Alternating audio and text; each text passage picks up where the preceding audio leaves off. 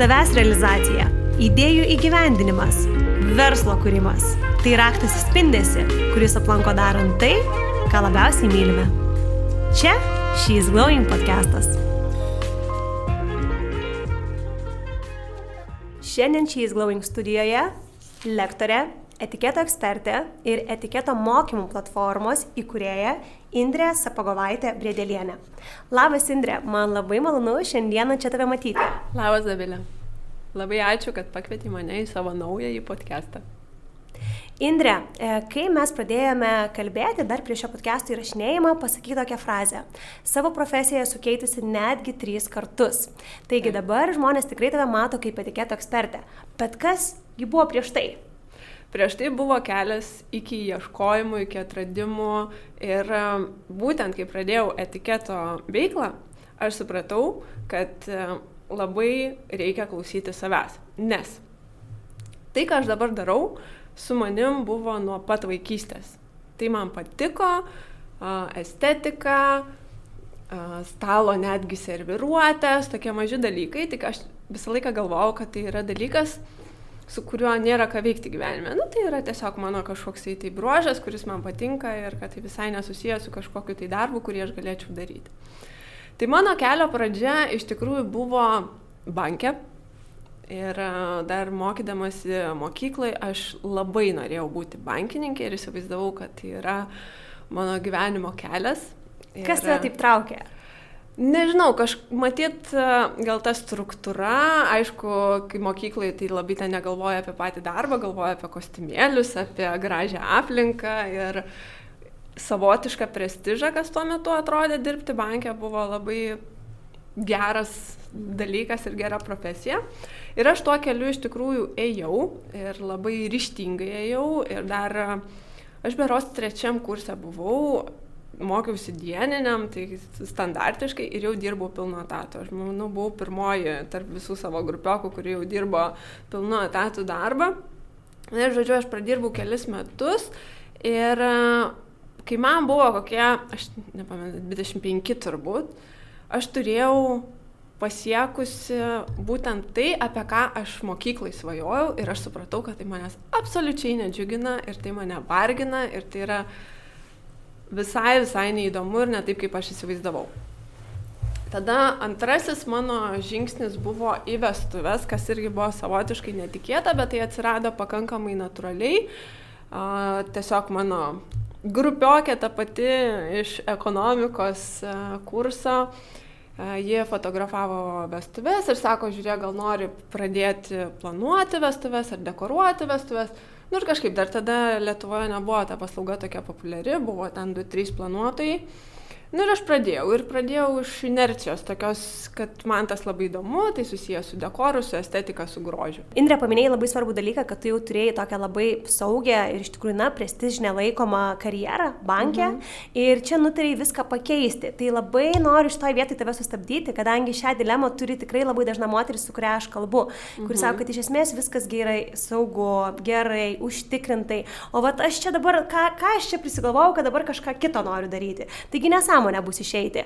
Kaip elgeisi tu? Ar tu palaipsniui pradėjai daryti ir kažkokią kitą veiklą, kuri tau atrodo, kad tau labiau patiktų, ar tiesiog drastiškai supratai, kad čia ne man ir sakai, viskas, aš išeinu ir nežinau net į ką išeinu.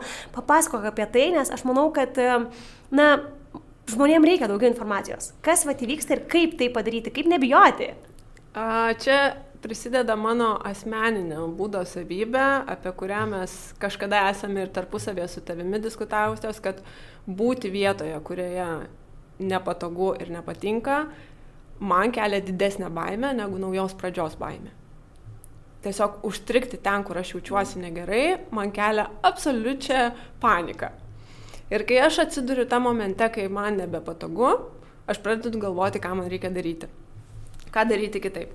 Ir būtent e, dar trečio savo etapo nepapasakau apie etiketo dalį, bet pirmoji transformacija iš banko į vestuvės vyko palaipsniui. Aš pradėjau, aš grįžau į verslo ir finansų pasaulį dirbti tokį stabilesnį darbą ir šalia pradėjau daryti vestuvės, kol pasijaučiau pakankamai stipri, kad galiu palikti senus įgūdžius už nugaryje ir pradėti naują pilnų pajėgumų.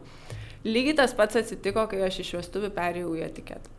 Aš po truputėlį pradėjau kalbėti apie etiketą Instagram'e, aš pradėjau matyti, kad iš to galima dirbti, uždirbti ir kad tai gali būti mano gyvenimo kelias ir kad aš tame jaučiuosi daug geriau. Ir savaime, aišku, labai padėjo visa pandemija, užgesinau savo vestuvių verslą. Tiesiog tai gavosi pakankamai natūraliai, bet jeigu nebūtų visos pandemijos, procesas būtų buvęs lygiai toks pat, aš tikiu. Pradėti kelią nuo pat pradžių, tu jau paminėjai, kad tai buvo trys kartai, ar ne? Tai buvo vat, bankininkės tavo karjera, kaip bankė dirbant, ar ne? Tuomet tai buvo vestuvių planavimas ir galiausiai etiketas. Kada tau, būnant jau vestuvių planavime, pradėjo irgi kažkas širdyje taip mm, jaustis, kad galbūt čia dar net nėra ta galutinė mano stotelė? Pirmasis etapas buvo, kai aš atskyriau veiklas, nes iš pradžių aš ir planavau, ir dekoravau vestuvės. Tada aš jas atskyriau ir nusprendžiau likti tik prie dekoro, prie savo širdies. Uh, nes planuoti man sekėsi, man tas darbas visas kaip ir nebuvo sudėtingas, bet e, dekoravimo dalis man, mane labiau įkvėpė ir visą laiką daugiau aš ten kažkaip rasdavau tikslo tame darbe ir savo vidinio pasitenkinimo ir nusprendžiau, kad aš atskirsiu tas veiklas.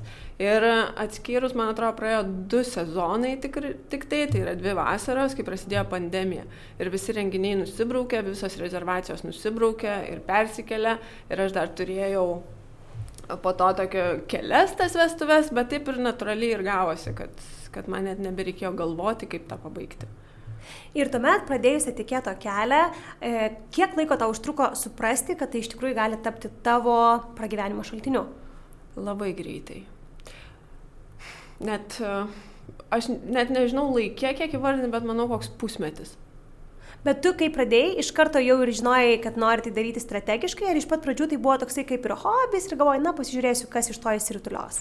Iš pradžių tai visiškai dariau, nežinodama, link kur noriu nueiti ir dariau labiau dėl to, kad galėčiau išpopuliarinti savo vardą ir lengviau parduoti savo vestuvių dekoravimo paslaugą. Pirmas, pats pats pirmas tikslas buvo toks, nes aš galvau, kad vis tiek dar su ta veikla liksiu ilgiau šiek tiek.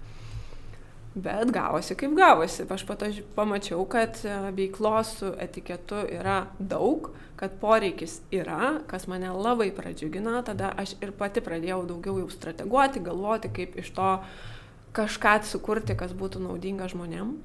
Ir va, ir štai aš čia. Kai aš kalbu su savo klientėmis, pavyzdžiui, ateina moteris į konsultaciją ir jinai vad sako, aš nežinau, kaip sukurti įdomų turinį, ar atrodo, kad manęs nieks negirdi, neskaito tai, ko aš darau, gal čia dėl to, kad šita tema tokia yra. Ir aš dažnai tuomet paimu tavo pavyzdį ir sakau etiketas. Prieš tai iš tikrųjų nebuvo nei vieno žmogaus, kuris kalbėtų apie tai aiškiai, suprantamai, panaudojamai. Koks yra tavo turinio kūrimo procesas? Ar tu galvoji tiesiog apie gyvenimiškas, tu būni gyvenimiškoje situacijoje ir tada galvoji, mm, galiu apie tai sukurti turinį, ar kaip tu tai padarai, nes iš tikrųjų na, tai yra genialu. Ir aš tai visą laiką įimu kaip tokį tobulą pavyzdį, kaip tokią temą padaryti tokią artimą žmogui, kad visiškai netrodo, kad etiketas yra čia aristokratam ir e, man tai nepritaikom arba kad tai yra labai sudėtinga. Kaip tau tai pavyksta? Šis procesas evoliucionavo kartu su manimi tiesiog bedarant, nes pradžioje aš pradėjau dalintis paprastom žiniom, kurias aš turiu. Bet pasaulinis etiketas, tą, kurį aš mokausi, tose kursuose, kuriuose aš pati dalyvauju, jis yra daugiau orientuotas į vakarų Europą, Ameriką, dalis yra į Aziją. Lietuva tokio kaip po savo etiketo neturi, nes mes neturim kultūros įsisenėjusios, gal ir būtume turėję, bet ji buvo kažkurio tai metu sunaikinta ir mes jos nebeturim. Todėl man a, tiesiog palaipsniui pradėjo atsirasti tokia kaip vizija, kad aš galiu pati adaptuoti savo žinias mūsų kultūrai. Ir pradėjau stebėti situacijas, kurios vyksta, su kuriamis aš susiduriu, su kuriamis mano aplinko žmonės susiduria. Ir tiesiog būtent gaudant tas tokius mažas užuominas, aš pradėjau rinkti klausimus, kuriuos aš galiu aptarti ir pateikti savo auditorijai. Ir keli sėkmingi bandymai man parodė, kad e, šita tema yra labai reikalinga Ir tiek asmeniniam gyvenime, tiek ypatingai verslo pasaulyje, žmonės tiesiog nežino, kaip elgtis. Ir nežino, kaip elgtis netgi ne tik uh, Lietuvos teritorijoje, bet ypatingai kas dirba su tarptautiniais partneriais ar dirba tarptautinėse kompanijose, tai jiem yra dar aktualiau, nes šiaip pasaulis etiketą išmano. Čia mes Lietuvoje tik tai galvom, kad jo nėra ir kad jo niekam nereikia. Indre, ačiū tau už tokį nuoširdų dalinimąsi ir tuomet man labai yra įdomu, e, kai tu pradėjai vystyti etiketo temą, e, kokie buvo tavo pirmieji žingsniai monetizuoti šią veiklą? Kad tai nebūtų tik tai Instagramas, bet tu jau pradėjai galvoti, hmm, kaip galima būtų iš to uždirbti? Pirmiausias tai buvo, pirmiausias žingsnis, kurį aš pamačiau, net ne žingsnis, o pirma vieta, kur aš pamačiau, kad reikia mokymų. Ir tada man pradėjo tiesiog vystytis idėja, kaip tos mokymus pateikti. Aš visą laiką sakiau, kad e, verslas nuo amato skiriasi ir jeigu aš būčiau vedusi individualius mokymus arba tik savo asmeninius seminarus, tai būtų amatas. Aš turiu ribą ir aš turiu ribą skaičiai, tiesiog kiek žmonių aš per dieną galiu pakonsultuoti arba kiek seminarų aš galiu pravesti. Ir man tiesiog tada norėjosi sukurti tokią platformą, kad žmogus galėtų žiūrėti pamoką savo patogiu laiku. Padariau struktūrą ypatingai patogią vartotojui, kad būtų atskirom potėmiam, kad galima atsisukti tiesiog temą, kurią tu nori, tokį mažą klausimą ir rasti visuomet atsakymą greitai. Ir taip tiesiog ta mintis rutuliuosi, rutuliuosi. Aš aišku turiu pasaulinių pavyzdžių, savo mokytojai, mano mokytojai pasaulinio lygio etiketo ekspertai, aš pas juos mokusi, aš matau, kaip jie daro. E, tai aš tiesiog adaptavau dar kaip iš vartotojo pusės, nes aš žinau, ko man trūksta jų mokymuose, ko man norisi, tai aš e, ką investavau ir tikrai padariau ir negailėjau ir negalvojau, kad tai padarysiu, bet kaip tai filmavimai. Tai buvo kokybiškai sufilmuota, gražiai, estetiškai.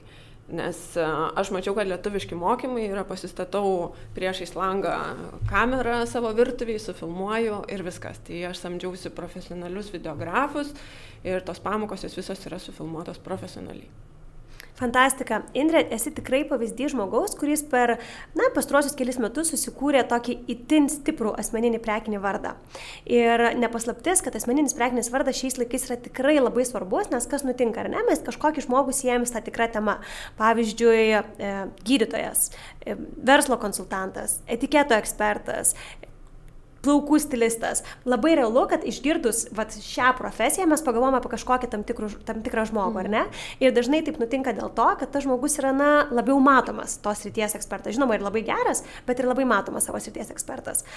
Ką tu patartum žmonėm, kurie visiškai nežino, kaip vystyti tą asmeninį prekinį vardą? Jie yra nuostabus savo ryties ekspertai, bet visiškai nežino, kaip ištranšiuoti tą žinutę, kad juos pamatytų ir kiti. Man atrodo geriausia, ką galima padaryti, tai kurti savo pažinčių ratą ir jį plėsti. Nes žmonės, kuriuos mes pažįstam ir su kuriais sukūrėm gerą ryšį, jie kalba. Ir tas kalbėjimas finale persikelia į socialinę erdvę. Aišku, numeris vienas yra profesionalumas.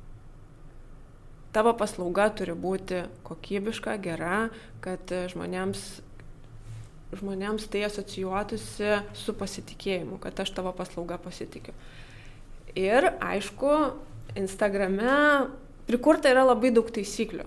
Kaip jį daryti? Aš pati prieš pradedama žiūrėjau, kaip ten viskas vyksta. Bet e, iš praktikos galiu pasakyti, kad ta autentiškumas ir tie iššūkiai, su, kuriuo, su kuriais kiekvienas specialistas susiduria, ne tai, kad aš jums papasakosiu, kaip prižiūrėti savo plaukus, bet tarkim, daug vertingesnė informacija yra, kaip, tarkim, atsiauginau savo plaukus arba kaip, su kokiais iššūkiais aš susidūriau ir kaip man pavyko juos perlipti. Tai man tokia informacija, aš pati kai stebiu, pati kaip vartotojas, kai stebiu, man tai daug naudingiau yra ir mano ir patarimas būtų nežiūrėti, ką daro kiti. Aš, pavyzdžiui, aš neseku etiketo ekspertų Instagram'e. Jų dabar yra labai labai daug nu, palygint, kiek buvo prieš čia beveik du metus, kai aš pradėjau. Aš neseku ir nežiūriu iš tikrųjų žmonių, su kuriais mano pasąmoniai kažkokia konkurencija mano galvoj, su kuria aš pati nesusitvarkau ir galvoju, aha, čia va, aš darau praščiau, čia jisai daro geriau. Aš juos tiesiog visus užsimutinau, unfollowinau, kad mane blaškytų mano kūrybinio kelio ir mano idėjų.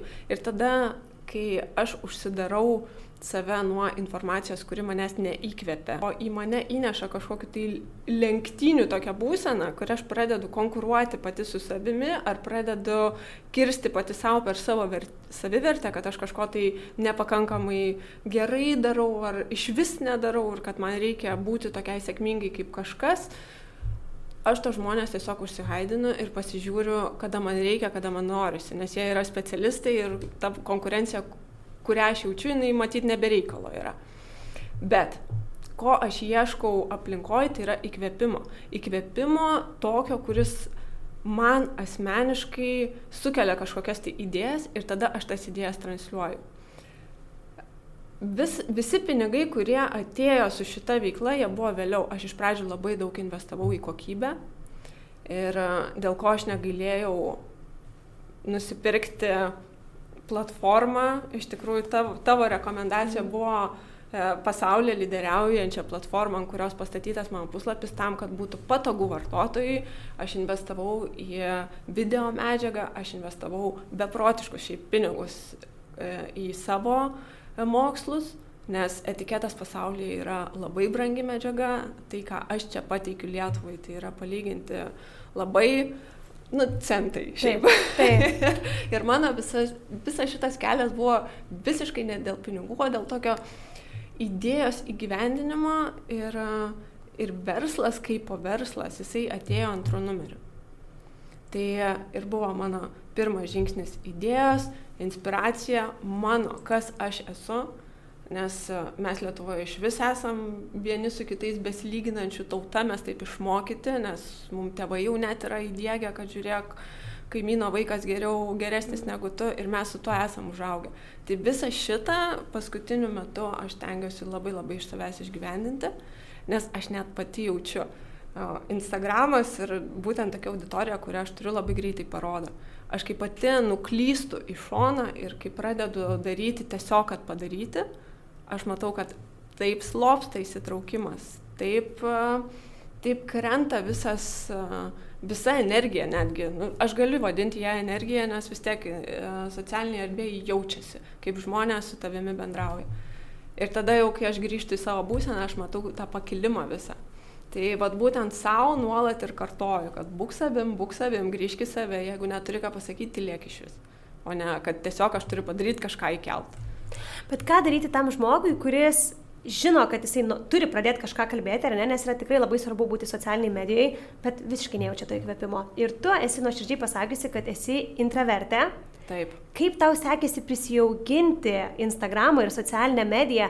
Klausiu todėl, kad galbūt tavo patarimai galės padėti tiem žmonėm, kuriem atrodo tai taip svetima ir taip baisu ir taip nesinori, nors jie žino, kad jiem padėtų tai vystyti jų veiklą.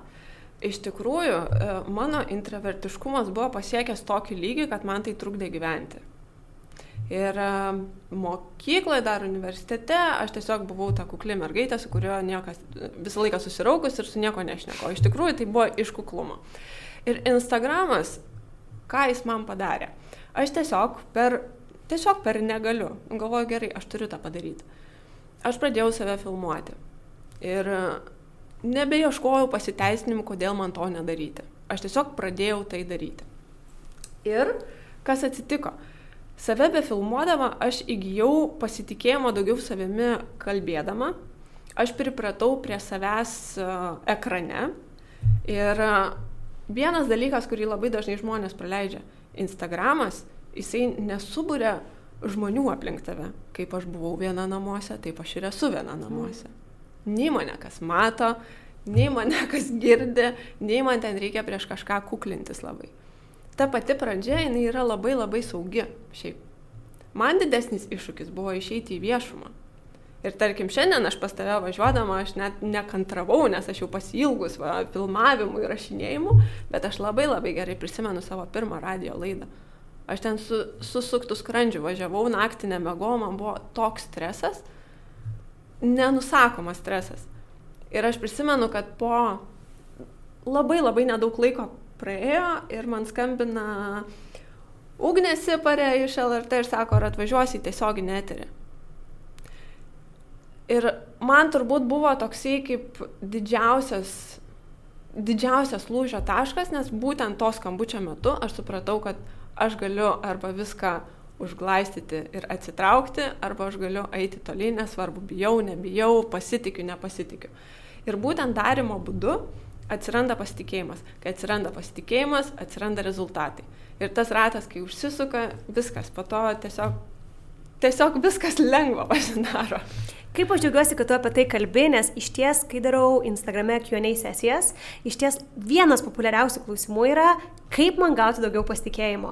Ir mano atsakymas yra visą laiką vienas ir tas pats, kad tas pasitikėjimas ateina, kai mes pradedam daryti. Tai Indrė tavo mintis tik patvirtina tai, ar ne? Ir aš dar turiu vieną labai gerą patarimą, kurio ir pati labai vadovaujasi, aš net negaliu prisiminti, kur aš jį išgirdau, bet kai nepasitikim savimi, čia buvo apie viešą kalbėjimą, man atrodo, tema, bet bet kurioje srityje tai yra pritaikoma, kai nepasitikim savimi, apie tai nesakyti kitiems žmonėms.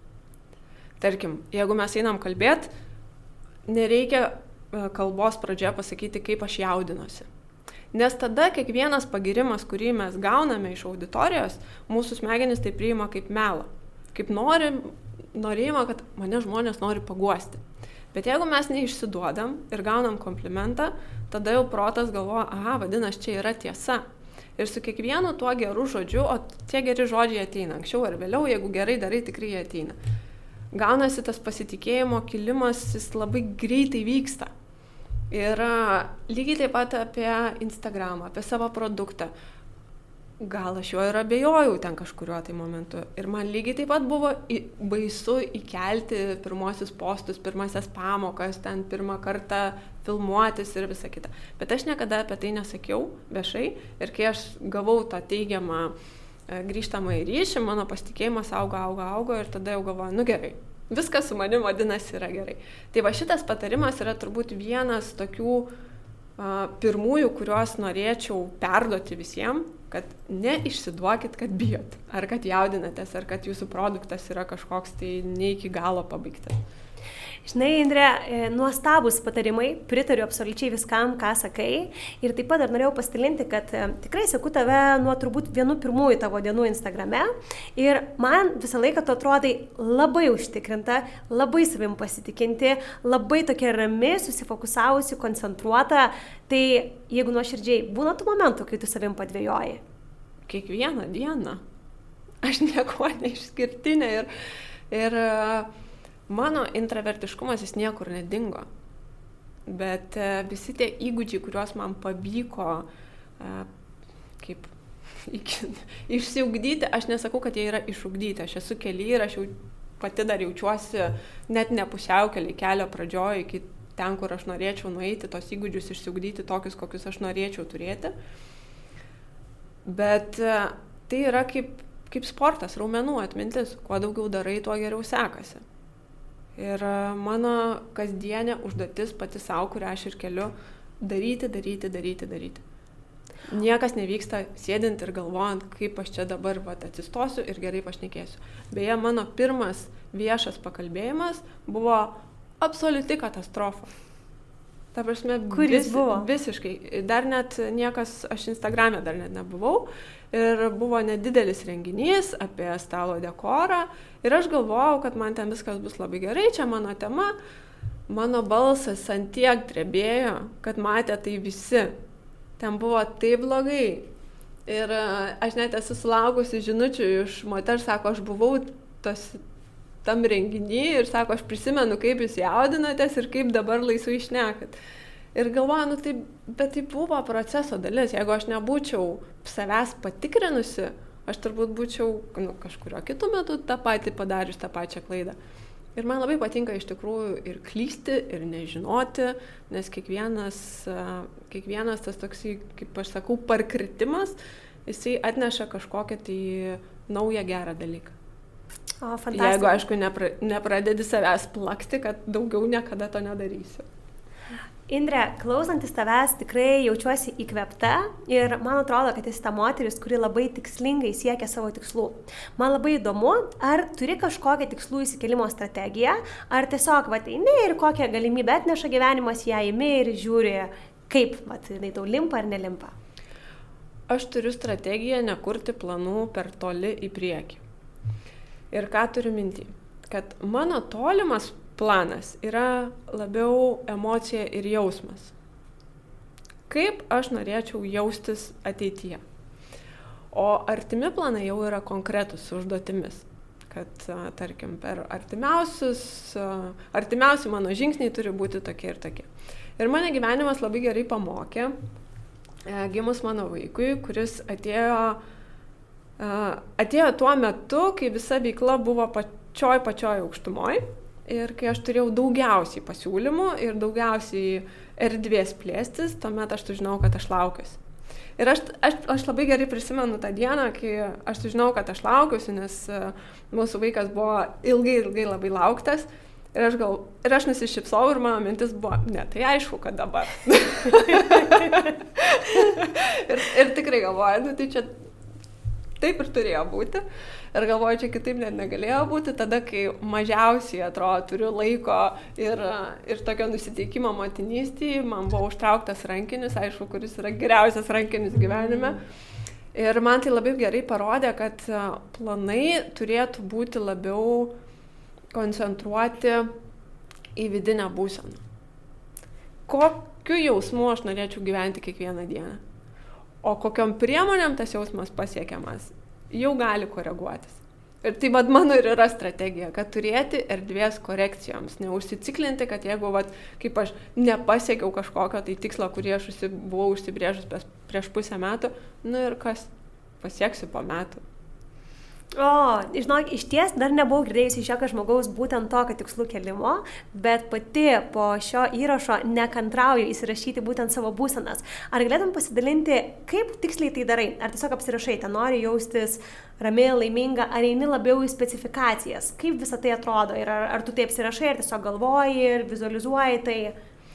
Aš iš tikrųjų šiemet pirmą kartą tai parašiau raštu Ir ne dėl to, kad uh, aš pati tos tikslus atsiminčiau, bet aš norėjau atskaitos taško, kaip man sekasi, tarkim, po metų, ar aš kažką padariau. Nes mes uh, visi turbūt žmonės mėgstame užsibūti savo komforto zonai ir mėgstame paleisti įvykius, tai jie, kad, ai, nu, vėl rytoj padarysiu.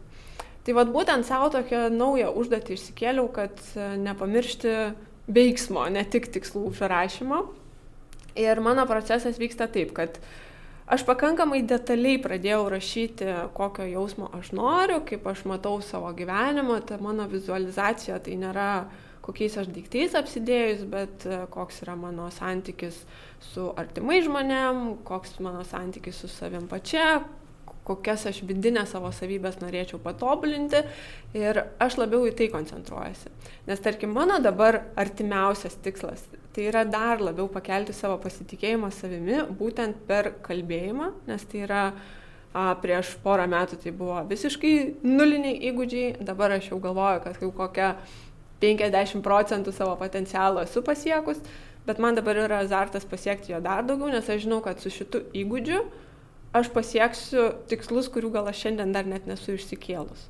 Kad man tai bus daug naudingiau, negu galvoti, kaip ten parduoti kažkiek tai pamokų. Aš žinau, kad jeigu tos mano seminarai ir mano pamokos bus antie kokybiškos, man net nereiks planuoti tų pardavimų. Nuostabus požiūris. O Indrė, kokiais būdais tu tobulini, pavyzdžiui, tai ar tu eini pamokas, užsiemimus, ar tiesiog per praktiką? E, kol kas tai per praktiką, nes aš tiesiog e, dabar turiu kūdikį namuose, bet e, mano visiškas planas ir dabar aš ant to dirbu, ieškau viešojo kalbėjimo kursų. Nes, e, aišku, mano praktika tai yra beveik kasdieninė, nes aš vedu seminarus ir uh, tas pats Instagramo savęs filmavimas, ta pati praktika yra visi interviu, tokie podcastai kaip šitas. Aš netgi kalbėdama su draugais, aš galvoju, ką aš neku ir kaip aš neku, bandau išvalyti savo kalbos šiukšles, bandau, a, seku, kaip sakinius dėlioju, kaip mintį išpildau ir tai praktika tiesiog namų erdvėje jinai labai labai padeda. Bet e, noriu eiti ir pas profesionalus, tiesiog save patikrinti ir sakiau, kad eisiu tikrai ne pas vieną nes noriu pabandyti įvairių metodikų. Indrė, žiūrint tave, tikrai atrodo, kad wow, kaip ji taip sugeba ir net ir juokais pati pasakėjai, panelytė šaunolytė. Regis tikrai, na, viskas yra tiesiog nuostabu, tu visą laiką susitvarkiusi, pasitempusi, gražiai pasidažiusi, e, tobula šeimyna, tobulai besielgianti visą laiką. Ir ar taip ir yra, ar iš ties tu visą laiką tokia visiškai šimtaprocentinė? Žinoma, kad ne. Ir net nereikia kurti tokios iliuzijos, nes tokių žmonių nebūna. Jie būna tik tai uh, kažkokiuose pasakų knygose. Ir man kažkaip paskutiniu metu, ypatingai paskutiniu metu, tikrai norisi kartais paimti ir atrodo net išrėkti žmonėm, baikit kurti iliuzijas mes visi esam vienodi žmonės. Mes turim gerų dienų, turim blogų dienų, turim veidus su makiažu, turim be makiažo. Ir e, turim kažkokiu tai krizių santykiuose, turime krizių darbe, turim nepasitikėjimą, turim saviplaką. Visos tos sudėdamosios dalys jos yra lygiai taip pat ir mano gyvenime.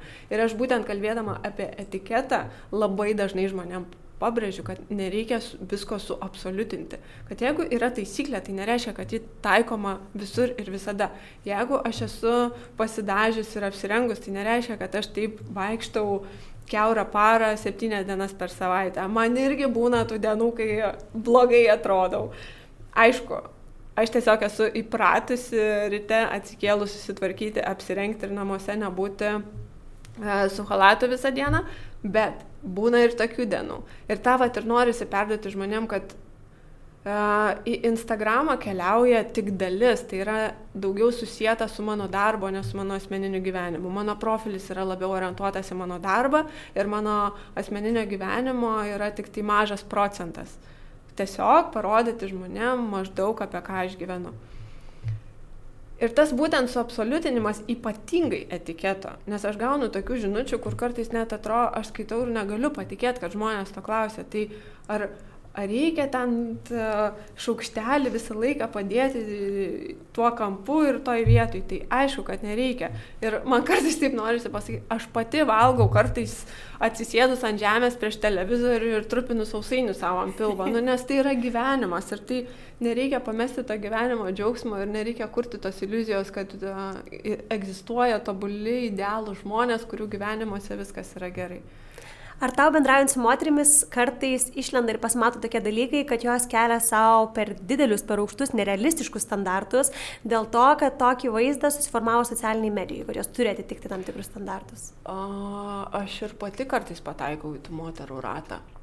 Ir tikrai, kaip, kaip jau prieš tai pokalbį sakiau, kad kai aš matau, kad kažkokio žmogaus sėkimas man tampa a, tokia kaip savikritikos priežastimi, aš tai išjungiu. Bet tai aktualu tik tai konkurentams, tokiems, jeigu galima taip sakyti, ar tai gali būti bet kuris žmogus, kuris kelia tą emociją? Bet kuris žmogus, aš net ne apie konkurentus, apie ypatingai gražias moteris. Lygiai taip pat ir man būna tokių minčių, kur atrodo, ai, aš čia nepakankama, su manim kažkas negerai, va, tai tai sekasi, va, tos kojos tai labai gražios, aš niekada tokių neturėsiu. Ir tada gaunasi, kad mintis užsikiša tokiam nesąmonėm, kurios niekur neveda, veda tik tai žemyn, o kūrybinis potencialas lopsta, rezultatai prastėja, tai aš kaip tik ieškau savo aplinkoj ir savo sekamų žmonių rate įkvėpimo. Nes kai yra įkvėpimas, mes stiebėmės ir lygiai taip pat aš tada ieškau, ką aš galėčiau savyje patobulinti, kad tai tarnautų man, o ne kad aš būčiau pranašesnė už kažką kitą. Ir manęs kažkada yra klausę, koks yra tavo uh, moters gal idealas ir aš sakiau, kad aš tokio neturiu. Ir aš tikrai tokio neturiu, nes man svarbiau yra pasiekti kuo aukščiau savo potencialo skaliai, negu žiūrėti į kažką kitą.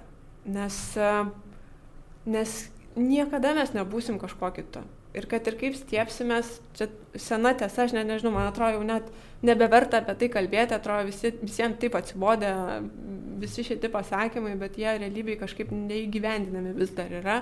Ir aš matau tą beprotišką konkurenciją ir beprotišką savivertės tokį uh, nužeminimą vien todėl, kad yra mūsų akise kažkokių tai žmonių, kuriem geriau sekasi, kurie geriau atrodo. Iš tikrųjų nėra. O ar tą taikai ir kalbant apie savo darbą, karjerą?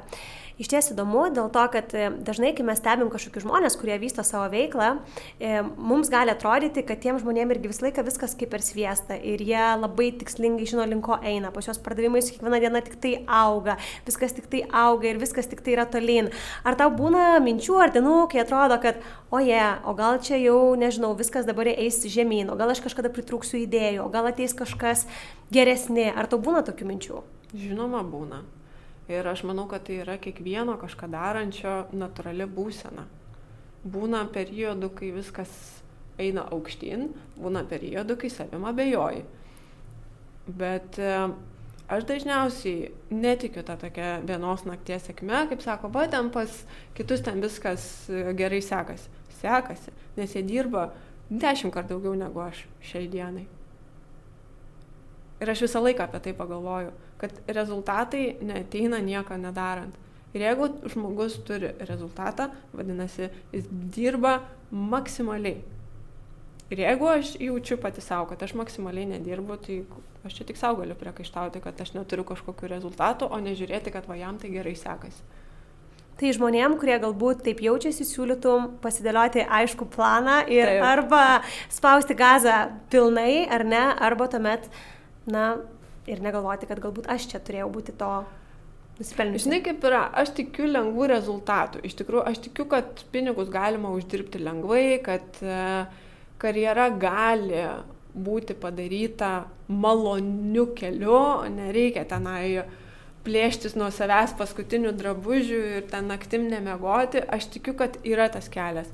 Bet į tą kelią reikia pataikyti ir tai yra daug svarbesnė užduotis kiekvienam žmogui pataikyti į savo rogės. Nes uh, man labai patinka pasakymas, uh, kuris skamba taip, kad kai pataikai į savo kelią, jame yra viskas padėta.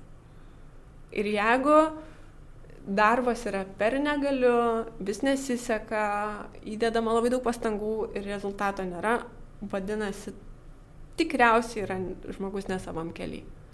Kaip patartum ieškoti to savo kelio? Iš ties, turbūt kiekvieną dieną Instagrame sulaukiu panašių žinučių su klausimu, Davilė, gal galėtumėt mane nukreipti, kur man pradėti ieškoti savo kelio, kaip man atrasti save, e, kaip atrasti, ką aš iš tikrųjų noriu daryti šiame gyvenime. Aš manau, kad yra dabar tiek daug galimybių aplinkui, kad žmogui gali išsisukti galvą ir atrodyti, kad kaip čia įmanoma iš tiek daug visko, tos naujos profesijos, kurios ar ne net neegzistavo prieš keletą metų, jos mhm. dabar yra labai populiarios. E, ir žmogui gali būti na, tikrai labai sunku pasirinkti. Kaip tu atradai tuos dalykus ir kaip patartum tai padaryti kitam žmogui?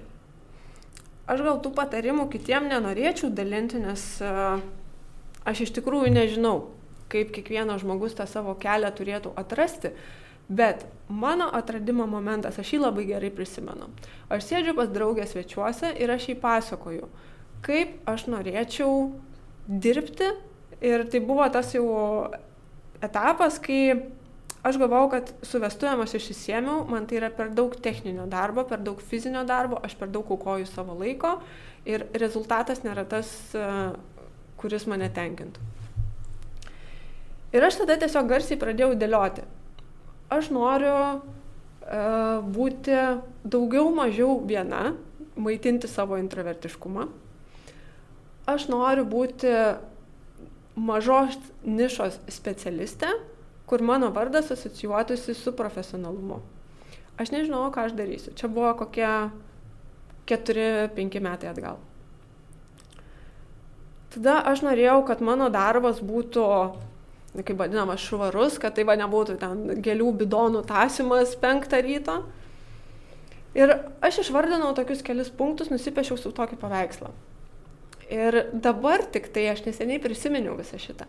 Ir aš supratau, kad mano va, tas jausmas, kaip aš prieš tai kalbėjau apie jausmą, kokią aš noriu darbo, kaip jis turi atrodyti, būtent šita veikla ir yra to jausmo išpildymas. Aš viską darau taip, kad aš gyvenčiau būtent tam jausme, kuriame aš, kuriame aš norėjau gyventi prieš kelis metus. Aišku, kiekvienas darbas turi tas, kur ne tai, kad nori, bet turi padaryti. Tai tarkim, mano, mano šitoj veikloje yra seminaro vedimas. Man tai buvo labai didelis diskomfortas, dabar aš jau prie to pripratau, man tai yra daug lengviau, bet tai vis tiek nėra tas mano arkliukas, kuris mane veža. Bet kiekvienas darbas turi savo dalį, kur, na, tą nemėgstamą techninę dalį, kurią tu vis tiek turi padaryti. Bet būtent tas jausmo ieškojimas turbūt yra geriausia metodika ir dar atsižvelgimas į tai, kas sekasi geriausiai. Man e, estetika, tokių smulkmenų ieškojimas, kažkoks e, taisyklės, tai buvo mano tokios kaip palidovės savybės nuo pat mažens. Ką aš sakau, aš niekada į tai nekreipiau dėmesio. Bet dabar, kaip aš sudedu visą paveikslą į vieną, kaip aš netgi pasiklausau savo mamos, kuri pasako, kokia aš buvau vaikystėje, viskas taip gražiai susiveda ir aš pirmą kartą gyvenime jaučiuosi šimtų procentų ten, kur turi būti. Indrė, vien tavęs klausantis, e, reikis net nekantrauju, kaip po šio podcast'o tiek daug dalykų norisi pačiai daryti. Klausau ir galvoju, būtinai noriu užsirašyti tikslus, noriu pradėti ir viešojo kalbėjimo mokymus. Tai tiesiog norėjau tau padėkoti už tokį didelį įkvėpimą, kurį tu įneši jau man ir tiesiog nekantrauju pasidalinti šio įrašo su mūsų klausytojais. Bei taip pat norėjau truputėlį nutolti nuo darbų ir paklausti kito labai svarbaus klausimo. A, žiūrint tave, atrodo, kad tu tikrai turi tokią vidinę pilnatvę, gal ramybę ir jautiesi gerai savo kūne. Ar visą laiką turėjai tokį gražų santykį su savimi? Ačiū labai už tokį pastebėjimą, vadinasi, mano žinutė ištransliuota teisingai, nes taip, gerą santykį su savo kūnu aš turiu jau seniai, ne visada jis toks buvo, bet e, kai mano santykis buvo prastas su mano kūnu, mano kūnas e, labai darė dalykus įvairiausius. E, aš buvau priaugusi labai daug svorio, aš buvau labai silpna fiziškai.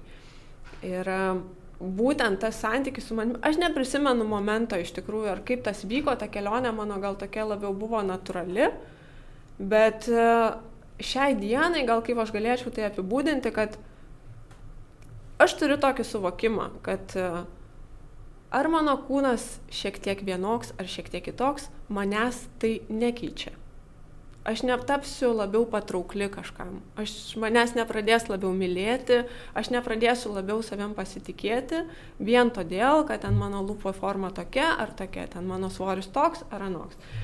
Ir dabar aš tikrai suprantu ir netgi, gal keista čia sakyti po 30, bet aš matau metus ant savęs, pradedu juos matyti ir man tai yra gerai.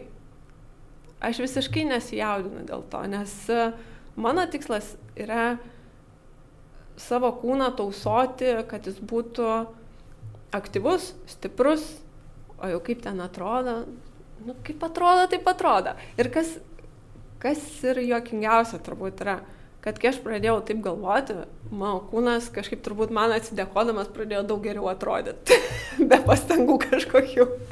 Fantastika. O Indrė paminėjai labai įdomų dalyką, e, kad, na, sakai, na, po 30 pradedu matyti ten, tarkim, bet, kažkokius ženklus, ar ne, kad laikas bėga. Bet kaip viduje pati keiteisi, lyginant kokia buvo Indrė, kai buvo 20 ar 24 metai ir kaip yra dabar. Nes aš pati jaučiu didžiulius pokyčius su metais ir labai įdomu, ar tie jausmai yra panašus. Pokyčiai iš ties, gerai sakai, tikrai yra didžiuliai. Ir atrodo 20, tas periodas jis buvo toksai labai savikritiškas, labai savim nepasitikintis, toks gal užsispyręs laikotarpis. O nuo 30 aš kažkokią pajaučiau laisvę, bet tokią sabiriškos gal laisvę. Ir man labai pradėjo darytis įdomu, man pačiai pradėjo darytis įdomu, kas aš ir kiek aš galiu nueiti ir kiek aš galiu išsiplėsti. Ir man labai pradėjo patikti stebėti e, savo tos pokyčius, kuriuos man pavyksta įgyveninti, kaip tai atsiliepia mano gyvenimui. Ir aš pati matau, kad jeigu man e, pavyksta susidoroti su kažkokiu tai savo vidiniu bloku, kažkas aplinkoje pasikeičia. Ar tai naujas žmogus atsiranda, ar tai santykis su senu žmogum pagerėja. Ir man labai labai patinka būti atsakingai šimtų procentų už savo gyvenimą. Ir aišku, tikrai būna silpnų akimirkų, kai aš pradedu kaltinti savo artimiausius dėl kažko, bet visą laiką tikrai galiu drąsiai sakyti, kad visą laiką pavyksta grįžti į tą mintį, kad vis dėlto tai esu tik aš ir kad jeigu tai vyksta mano gyvenime, tai priklauso tik nuo manęs. Indrė, o ką į tavo gyvenimą atnešė motinystė? Oi, čia koks fainas klausimas. Hmm.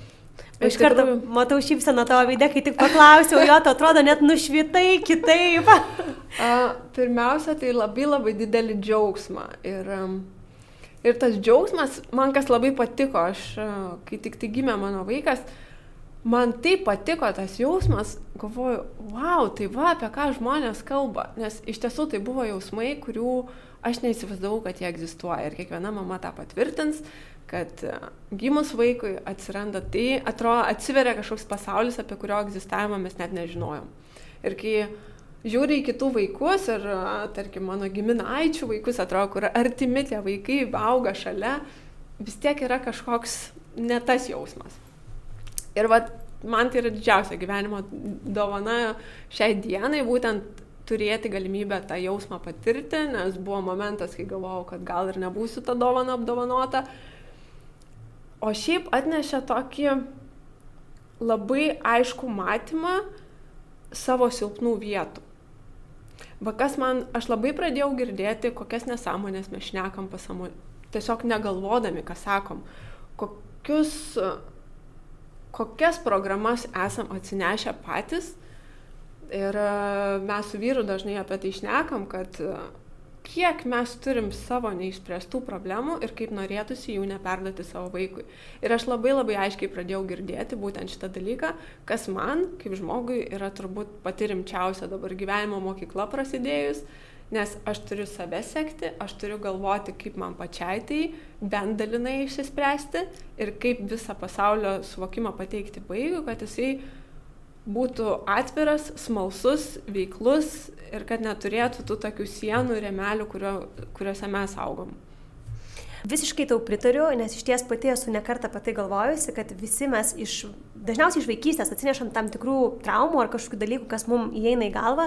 Ir aš dažnai galvoju, kad, oje, yeah, tai tokia didžiulė atsakomybė auginti vaiką ir kaip Taip. pabandyti, kad jisai su kuo mažiau užauktų kažkokių tokių traumų. Tai man labai įdomu, ar tu darai tai inuityviai, tiesiog, na, vat jauti, kad taip reikėtų daryti, ar labai domėjai, įsiskaitėjai kažkokias knygas, kaip, va, tiesiog, na, kokiais principais? Nuo pirmos dienos, kai sužinojau, kad laukiasi, aš nesidomėjau niekuo.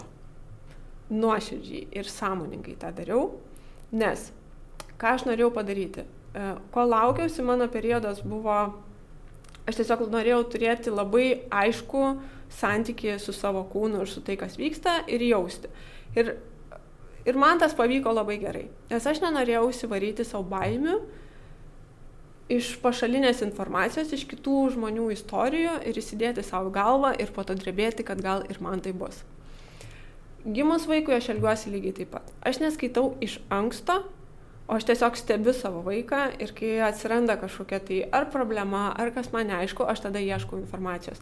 Nes aš nenoriu ieškoti savo vaikę kažkokių tai bėdų, kurių jisai neturi. Ir aš labai noriu matyti jį kaip asmenybę, Aišku, dabar, kai jam uh, penki mėnesiai, tai asmenybės dar ten neižvelgsi labai rimtos, bet jau, jau kažkas prasideda ir aš nenoriu to praleisti, tiesiog to informacijos gausa, kad mano vaikas turi daryti tą, mano vaikas turi elgtis taip. Aš tiesiog noriu, kad jisai būtų toks, koks jisai yra. Aišku, ten iš medicinės pusės visus punktus žiūriu, kad viskas nepraleisčiau kažko, bet būtent iš tos raidos tai ir yra mano tikslas jį matyti labiau negu tą visą informaciją, kuri yra, nes tos informacijos yra stipriai per daug dabar. Fantastika. O žinai, iš ties, kai aš pagalvoju apie motinystę, turbūt natūralu, kad, na, tokio amžiaus, ar ne, man dabar yra 30 metų, ar ne, ir aš mhm. dažnai galvoju, oho, tai bus šioje dešimtyje ir turbūt netgi artimojoje tos dešimties Taip. pusėje, ar ne? Ir suprantu, kad vaikai yra iš ties, na, kažkur jau lyg ir mano mintise. Ir tuomet aš dažnai galvoju, kaip pavyks tai suderinti su darbais. Ir man būna baisu. Man labai įdomu, taip sakau, tikrai labai nuoširdžiai, kad aš dažnai galvoju apie tai, kas nutiks. O gal po to aš, nežinau, prarasiu savo, išeisiu iš rinkos, taip sakant, ir ar prarasiu savo įdirbį. Kokie buvo jausmai tau prieš gimstant vaikui, ar buvo tokių baimių ir kaip pavyko jas įveikti?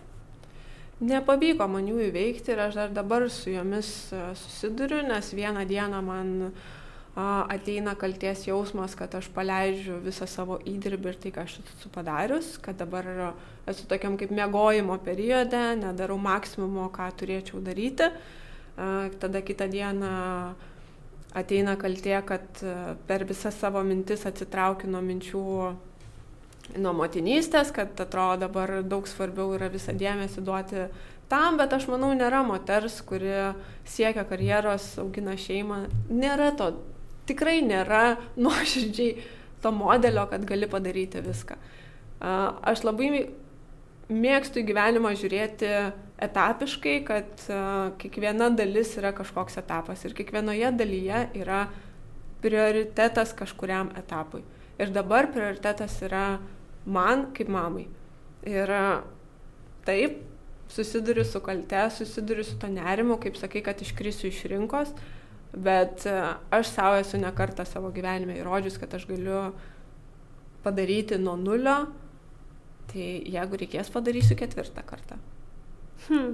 Indrė, ačiū už tą nuoširdumą ir tikrai palėtė ne vieną temą, kurios dažnai žmonės galbūt vengia, nes tai nepatogu apie tai kalbėti, nesinori galbūt pripažinti kažkokių baimių. Tai labai dėkoju tau už tą tikrumą ir mūsų pokalbio pabaigai noriu jį užbaigti tokiu kaip ir klausimu, tavo mintimi, kurią tu pradėjai šį pokalbį. Ir tai buvo tai, kad nieko tau nėra baisiau, negu būti situacijoje, kuri tavęs netenkina ir jos nekeisti.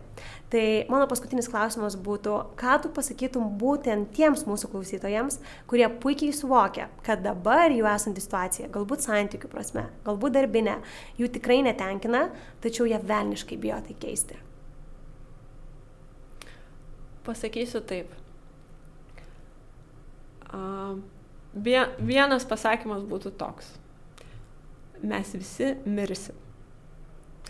Ir švaistyti gyvenimą, gyvenant jį ne taip, kaip norisi, yra tiesiog kvaila. Kam, kam to reikia?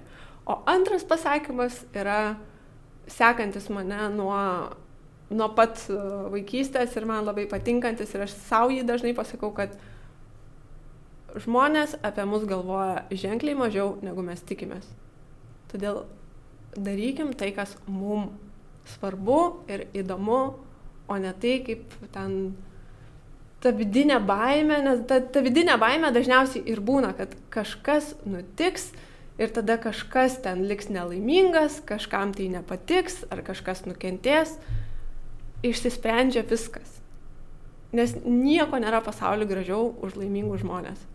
O, Indrė, ačiū labai už tą nuostabią emociją, kurią įnešė į mūsų studiją šiandieną. Buvo iš ties be galo malonu tavęs klausytis ir dėkoju už tą įkvėpimą, kurį tikrai padovanoji ne tik man, bet ir mūsų klausytojams. Ačiū tau. Ačiū, kad klausėsi šio šiais Glowing podcast'o. Jei nori daugiau įkvepiančių istorijų, žinių, bendrystės, renginių ir kitų nuostabių privilegijų, kurias gali gauti būdama šiais Glowing klubo nare, Keliauk tiesiai į www.sheisglowing.lt ir tapk mūsų klubo nare. Pasimatysime ten.